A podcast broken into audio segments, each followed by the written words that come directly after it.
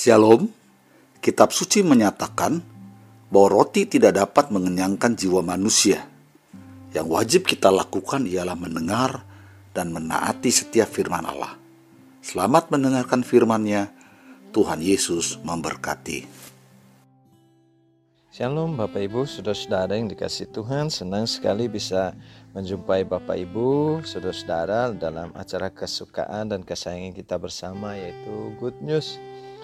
Good News hari ini saya berikan tema tanda kebaikan Allah. Saya akan membaca dalam Mazmur satu ayat saja dalam Mazmur pasal 86 ayat yang kelima di Alkitab saya. Sebab engkau ya Tuhan baik dan suka mengampuni dan berlimpah kasih setia bagi semua orang yang berseru kepadamu. Bapak Ibu, saudara-saudara yang dikasih oleh Tuhan, uh, umat Allah itu diberikan sebuah tanda atau petunjuk bahwa mereka adalah milik Allah. Tanda itu adalah sunat secara fisik dan itu memiliki arti tidak hanya uh, arti arti literal atau secara fisik tapi punya uh, arti yang lebih dalam makna yang lebih dalam uh, menyangkut hubungan mereka dengan Allah lewat penanda tersebut di mana Allah mengatakan aku akan menjadi Allahmu dan engkau atau kalian akan menjadi umatku. Nah, selama penanda itu ada dan di eh, umat Allah berkomitmen untuk terus memelihara tanda itu ada dalam hidup mereka, eh, dalam bangsa mereka, maka hubung itu menunjukkan juga bahwa hubungan itu masih terjaga dengan baik dan Allah juga berkomitmen di dalam hubungan tersebut bahwa Allah akan menjadi Allah mereka. Nah, Bapak Ibu saudara-saudara yang dikasih Tuhan, sebagai orang-orang yang percaya kepada Yesus sebagai Tuhan dan Selamat, kita juga diberi, sesungguhnya diberikan uh, sebuah penanda bahwa kita adalah milik Allah. Firman Tuhan katakan di dalam uh, eh, 2 Korintus pasal 1 ayat 22 demikian uh, memeteraikan tanda miliknya atas kita dan yang memberikan Roh Kudus di dalam hati kita sebagai jaminan dari semua yang telah disediakan untuk kita.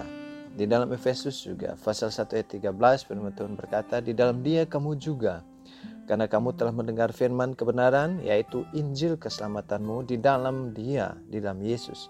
Kamu juga ketika kamu percaya dimeteraikan dengan roh kudus yang dijanjikannya itu. Kita alami, ini penanda bagi kita, yaitu apa? Kehadiran roh kudus dalam hidup orang-orang yang percaya. Kapan? Ketika kita, saudara, kita semua menerima Yesus sebagai Tuhan Selamat. Nah, tapi kita perlu belajar Bapak Ibu Saudara-saudara penanda-penanda yang lain. Sesungguhnya ada banyak penanda yang lain yang Allah berikan di dalam kehidupan saudara dan saya untuk menunjukkan untuk saudara dan saya bisa memahami, menyadari dan mengerti bahwa benar engkau, saya, kita semua adalah milik Allah. Berdasarkan teks yang kita baca tadi, eh, saya mau bicara tentang kesempatan kedua sebagai tanda kebaikan Allah bagi hidup saudara dan saya. Bapak Ibu, saudara-saudara dan kasih Tuhan, eh, saudara dan saya hidup di dalam dunia ini, eh, dalam dunia yang sudah jatuh, kemudian iblis berkuasa atas tatanan dunia ini, dia mencoba selalu berusaha juga akan terus berusaha bagaimana menarik kembali membuat orang-orang yang sudah percaya kepada Yesus sebagai Tuhan dan Selamat itu jatuh, mundur, terhilang dari iman mereka kepada Yesus. Itu yang dikerjakannya. Dalam satu Petrus firman Tuhan kata pasal 5 ayat ke-8 iblis itu seperti singa yang mengaum. Ia berkeliling mencari mangsa yang siap diterkamnya. Uh, iblis itu adalah pendusta. Nah, masih ada banyak yang lain. Nah, Bapak Ibu, saudara-saudara yang dikasih Tuhan, oleh karena itu eh, kita pada akhirnya menyadari betul kita lemah, kita sangat rapuh, kita terbatas. Oleh karena itu kita perlu bergantung, saudara dan saya bergantung kepada Roh Kudus yang menuntun. Nah, tapi bagaimana pada akhirnya ketika ada satu dua atau ada uh, saudara mengalami di mana mungkin jatuh atau melakukan satu dua tiga hal yang melanggar atau tidak sesuai dengan firman Tuhan atau ada orang-orang Kristen kemudian meninggalkan imannya atau kemudian mereka memutuskan melakukan sesuatu yang merusak hubungan mereka dengan Allah. Bagaimana? Firman Tuhan katakan, cepat-cepat menyadarinya. Dan kemudian uh, firman Tuhan di dalam 1 Yohanes pasal 1 ayat 9, karena Yesus adalah setia dan adil. Ketika ada seseorang dia jatuh kemudian atau dia mundur terhilang atau dia melakukan sesuatu yang tidak berkenan di hadapan Tuhan datang cepat-cepat menyadari mengaku itu di hadapan Yesus Kristus maka dia setia dan adil dalam kesetiaan dan keadilannya itu dia akan mengampuni itu kesempatan kedua. Allah memberikan kita kesempatan kedua tapi bukan untuk terus-menerus dilanggar. Kesempatan kedua itu menunjukkan uh, apa namanya uh, ada batas toleransi. Ya batas toleransi tertentu. Ya, saudara mungkin uh, kalau kita bicara tentang batas toleransi ini misalnya timbangan gitu. Kan ada timbangan badan ada batas toleransinya. Bisa itu hanya bisa untuk menimbang bobot 110 kilo. Maka ketika itu dipakai eh, terus menerus di batas bobotnya itu di batas 110 atau 115 atau 112 120 terus menerus setelah berulang maka timbangan itu akan rusak. Kenapa? Melampaui batas toleransi yang diberikan yaitu misal 110 nah itu kesempatan kedua bicara tentang ada batas toleransi itu tadi. Oleh karena itu Bapak Ibu Saudara-saudara eh,